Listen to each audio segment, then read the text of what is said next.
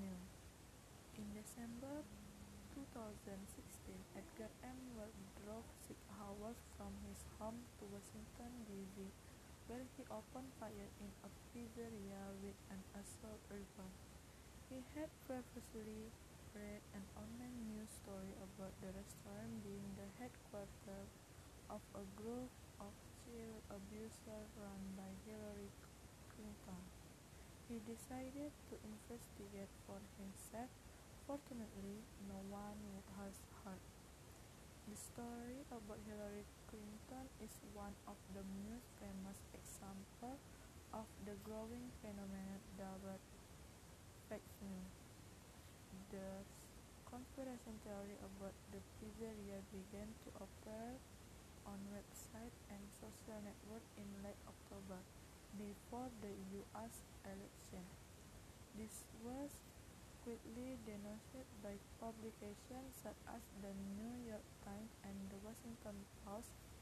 However, many people thought that these papers that these papers were themselves playing for political ends and instead of disappearing, the fake stories novel number percentage Stephen Smith of the 15 District of Georgia claimed that the mainstream media were telling falsehood, even though both this name and this fact were invented, the message was repeated many times.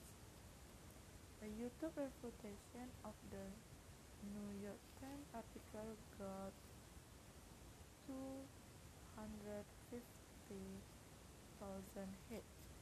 Fake news stories can be hard to control for several reasons. Many people mistrust established news sources and others just don't read them. So, the debunking of a fake story or a fake story by a serious newspaper or TV channel has limited effect. In addition, internet is very hard to police. When Users are caught misusing one media platform, they simply, simply go to another one or start up a website themselves. There are also various reasons why people create fake news. Some have political motive to belittle or incriminate their opponent. Other websites, like The Onion, deliberately publish news as humorous comment on society and current affairs. Another group is in it for the profit. Many people click, clicking on entertaining fake news story can bring in a lot of advertising revenue. One man running fake news site for, from Los Angeles said he was making up to 30,000 US dollar a month in this way. There are also those, like the Smarton teenager in Macedonia who wrote fake news story about Donald Trump who seemed to be motivated partly by money and partly by boredom. So, what can we do to stop fake news spreading? First, make sure that the website you read are legitimate.